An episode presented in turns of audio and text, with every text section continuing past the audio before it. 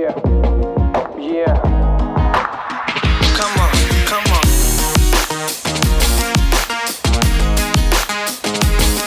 Let's go. Yeah. I'm free. Welcome to හැන්ක්‍රී podcast ඔයගොල්ල එකතු වෙන්නේ හැන්ක්‍රී පොඩ්කාස්ට්ගේ මූවිටෝක් සීසන් 1 එපිසෝඩ් 1 එකත් එක්ක මම දීගායු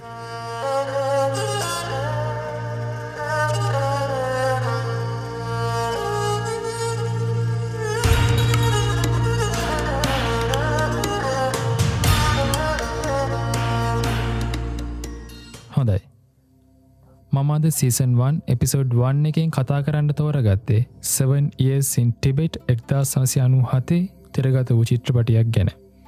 මේක direct Jean Jacques Annaud write ඇවිල්ලා හෙන්රිච් හැර සහ බෙකී ජෝන්ස්ටන් තමයි ස්ක්‍රීන් ප්ලේ ස්ටාස්ල ගත්තොත් බ්‍රඩ් පිට් ඩේවිඩ් තෙවිල්ස් සහ BD වෝං තමයි ප්‍රධාන චති නිරූපණය කරන්නේ. හොඳයි. අප එහෙන යමු මේකේ ප්ලොට් එක පැත්තට.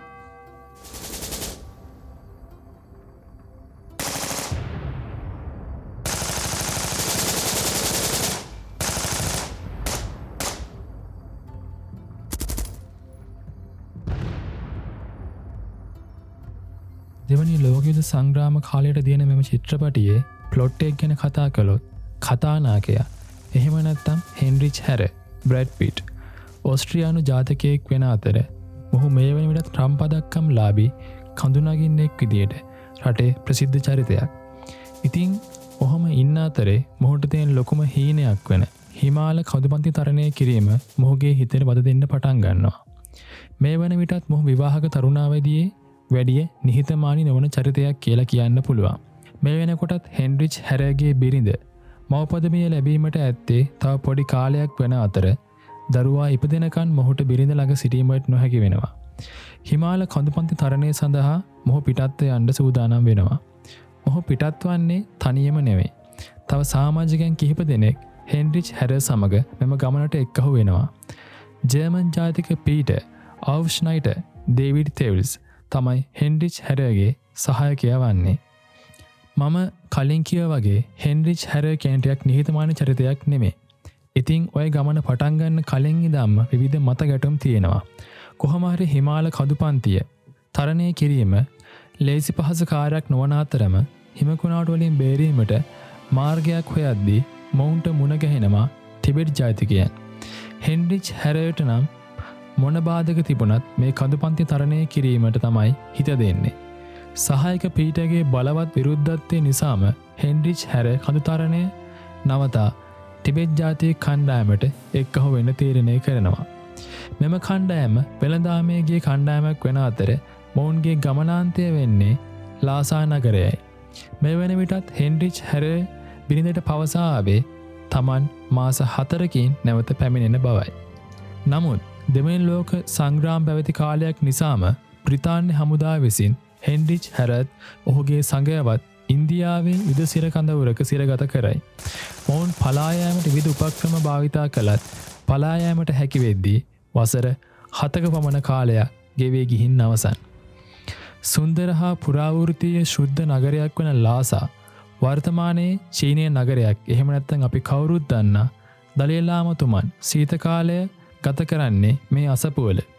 ඉතිං හෙන්ඩිච් සහ පීට කොහමරි දිවි ගලවාගෙන ලාසා නගරයට එනවා. හරියටම කිව්වොත් මෙතනින් තමයි කතාව පටන් ගන්නේ.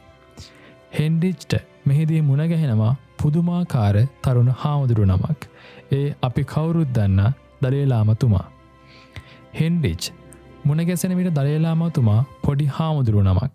නමුත් පුදුමාකාරූ අදහසරෙන යුක්ත හාමුදුරු නමක්. ඔයාතරේ ටිබෙටේ රාජ්‍යපාලකයකු වන ජික් මේ මොහුගේ මිතරක බවට පත්වෙනවා. ඉතිං හෙන්ඩෙච්ට සහ පීටට ආගන්තුක සත්කාර ඉතා ඉහලින් ලැබෙනවා. දවසක් මොවුන්ට අලුත් ඇඳුම් ලබා දෙන්න ජික් මේ ලා සහ සිටින එකම ඇඳු නිර්මාණ ශිල්පිනියට බාර දෙනවා. වැඩි කාලයක් යන්න කලින් ලාකි එහෙම නැත්තා මම කලින් කියව සුන්දර තරුණ ඇඳුන් නිර්මාණ ශිල්පිනියට මොවුන් දෙදෙනාම ආදරය කරන්න පටන් ගන්නවා. නමුත් ලාකගේ සිත දිනාගන්නේ පීට කොහම වනත් මොවුන්ගේ මිතුදම් නම් කවදාවත් පළුදු වෙන්නේ නෑ. ඒ වගේම පීට ලාකි හා විවාහගිවිසගෙන ටිබටේම නවතින්න තීරණය කරනවා. අමතක් කරන්න එපා මෙ වෙන කොටත් හෙන්ඩිච් තාත්තගෙනෙක්. නමුත් යුද්ධය නිසා මොහොට ඔස්ට්‍රියාවට යන්න තව කාලයක් බලන් ඉන්න වෙනවා. දවසක් දාහතර හැවරිදි කුඩා දලේලාමතුමන්ගේ මවගෙන් ආරාධනාවක් ලැබෙනවා ඇය සමඟ තලේලාමතුමාව හම්බ වෙන්න යන්න. තලේලාම මුණගෙසෙන හෙන්ඩිච් නොසිතුව ලෙස පුදුමයට පත්වෙනවා. දාහතර හැවරි දලේලාමතුමාගේ ආකල්ප සම්බන්ධව. තලේලාමතුමන් හෙන්ඩිච් ඉතා හොඳ මිත්‍රයම් බවට පත්වෙනවා. දවසක් දයලාමුතුමන් විසින් හෙන්ඩිච්ට කාරයක් පාර දෙනවා ඒ චිත්‍රපට බැලීමට සිනමා ශාලාවක් නිර්මාණය කරන ලෙසට. ටිබෙර් ජාතකයන් හා එක්ව හෙන්ඩිච් ඔහුගේ ඉල්ලීම මනාවිෂ්ට කරනවා. ඉතිං ඔහොම කාලයක් යද්දී චීනය විසින් ටිබෙටය ආක්‍රමණය කරනවා. යුද්ධ කිරීමට අකමැති වන මොවුන් යටත්වීමට තීරණය කරන අතර හෙන්ඩිස්ගේ මිතුරක වන ජික්මේ උදල්වලට රටපාවාදීමක් ලෙසයි හෙන්රිච් දකින්නේ. චිත්‍රපටය තුළේ මනාව ඔවුන්ගේ දෙබස්තුලින් අපිට පැහැදිලි කරගන්න පුළුවන්. දවස කොහ ඊතා උනන්දුවෙන් බලා සිටි මොහොත උදා වෙනවා. එනම් ඔහුට නැවත ඔස්ට්‍රියාවට යාමට හැකිවීම. ඔහුගේ රටේ යුද්ධය අවසන් කියන දේ ගැන ඔහුට ලොකු සතුටක් සමගම ඉතා දුකක් ඇතිවෙනවා.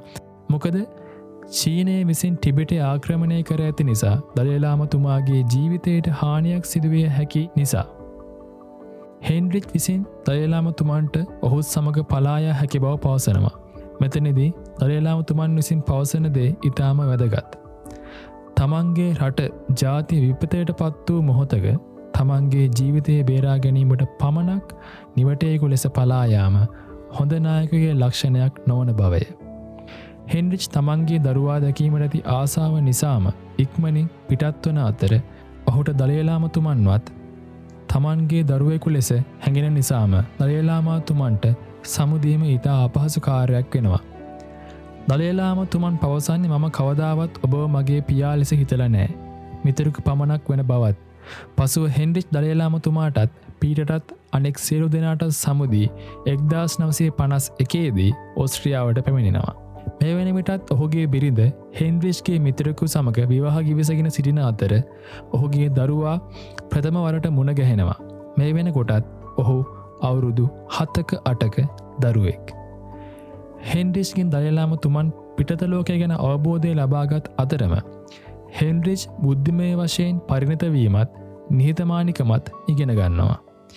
පසු කලෙක තමන්ගේ පුතා සමඟ හෙන්ඩෙස්්ගේ එකම සිහිනය වන හිමාල කඳු වැටිය තරණය කරනවා.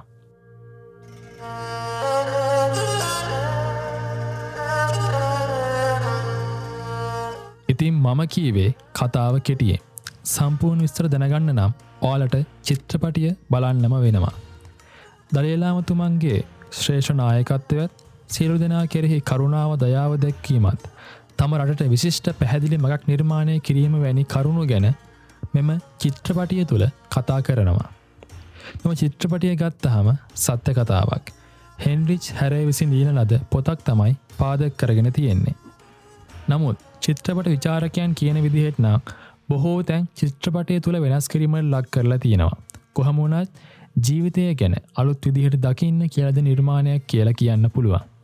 ඒ වගේම එක්දස් නවසි අසූ නවයේදී තලියලාමතුමන් නොබෙල්තියාගෙන් පිදුම් ලබනවා. මෙහිදී හෙන්ඩිච් දයලාමතුමන්ව නැවත මුණ ගැසෙනවා. හොඳයි චිත්‍රපටිය සිනමට්‍රග ගෙන කතා කළොත් ෆ්‍රෙන්ච් සිනමටග්‍රෆ කෙනෙක් වන රොබට් ෆ්‍රේස් තමයි මේ චිත්‍රපටිය සිනමා අධ්‍යක්ෂක වෙන්නේ. ද ලව එක්දා සමසය අනූ දෙක රෝනින් එක්දස් නවසය අනු අට හොටෙල් රවන්ඩා දෙදස් හතර රොබට් ෆ්‍රේස්ගේ තවත් සිනමා අධ්‍යක්ෂණය. මෙහි කඳුනැගීමේ දර්ශන සඳහා භාවිතා කර ඇති කැමරා තාක්ෂණය ඉතාම තාත්තිකයි. ඒවගේම වර්ණ සංකල්නය දෙවැනි ලෝක සංග්‍රම් චිත්‍රපටිවලට ඉතාම සමීප වර්ණ සංකල්නයක් භාවිතා කරලා තියෙනවා. තව close shot subject and object යන කැමරා කාච වැඩිපුර භාවිතා කරලා තියෙනවා. ඒවගේ මියසික් කම්පෝස වෙන්නේ ජෝන් විලියම්ස්. ජෝන් විලියම්ස්ගේ සංගීතයට රොබට් ෆ්‍රේස්ගේ කැමරාක් අධ්‍යක්ෂණය මනාව සුසංයෝජනය කරලා තියෙන අතරම බ්‍රඩ් පිට්ගේ කලබලකාරි නො වූ රංග විලාසය හෙන්ඩෙච්ගේ චරිතයට විශාල සාධාරණයක් ඉෂ්ට කරලා තියෙනවා කියන එක මගේ විශ්වාසයයි. ඒ වගේම IMDB හතයිදශම එකක අගයක් ලබාගෙන එක්දස් නමසි අනු හතේදී තිරගත වූ 7 ඉයසින් ටිබෙට් ගැන තමයි අද මම කතා කළේ. ඉතිං ඔයිගොල්ලොන්ට මේ වගේම තවත් මූ එකක් අරගෙන එන්න ඉක්මනින්ම අපිත් එක් රැඳල ඉන්න අපි හැන්ක්‍රී පොඩ්කාස්ට් මූවි ටෝක්ස් එහෙනම් ළඟදිම හම්බෙමු මම තීගායු.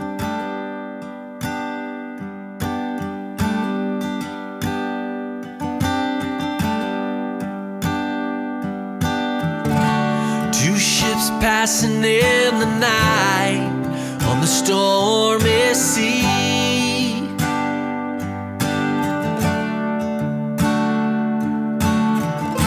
You got your navigation lights pointing right at me.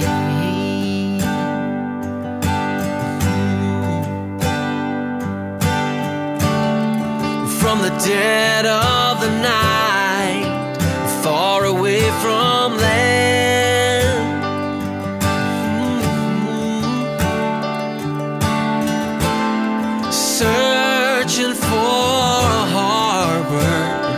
quiet strand.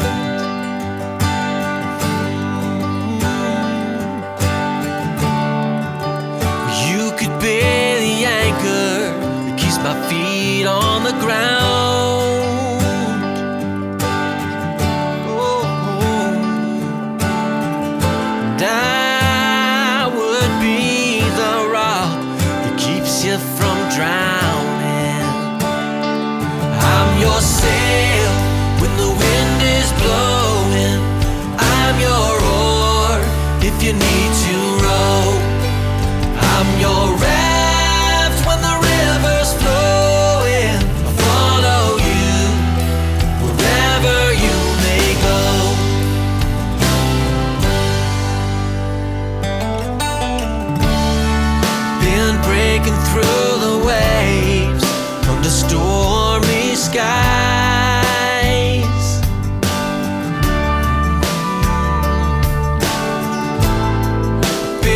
Racing with the tides and the hurricane's eye.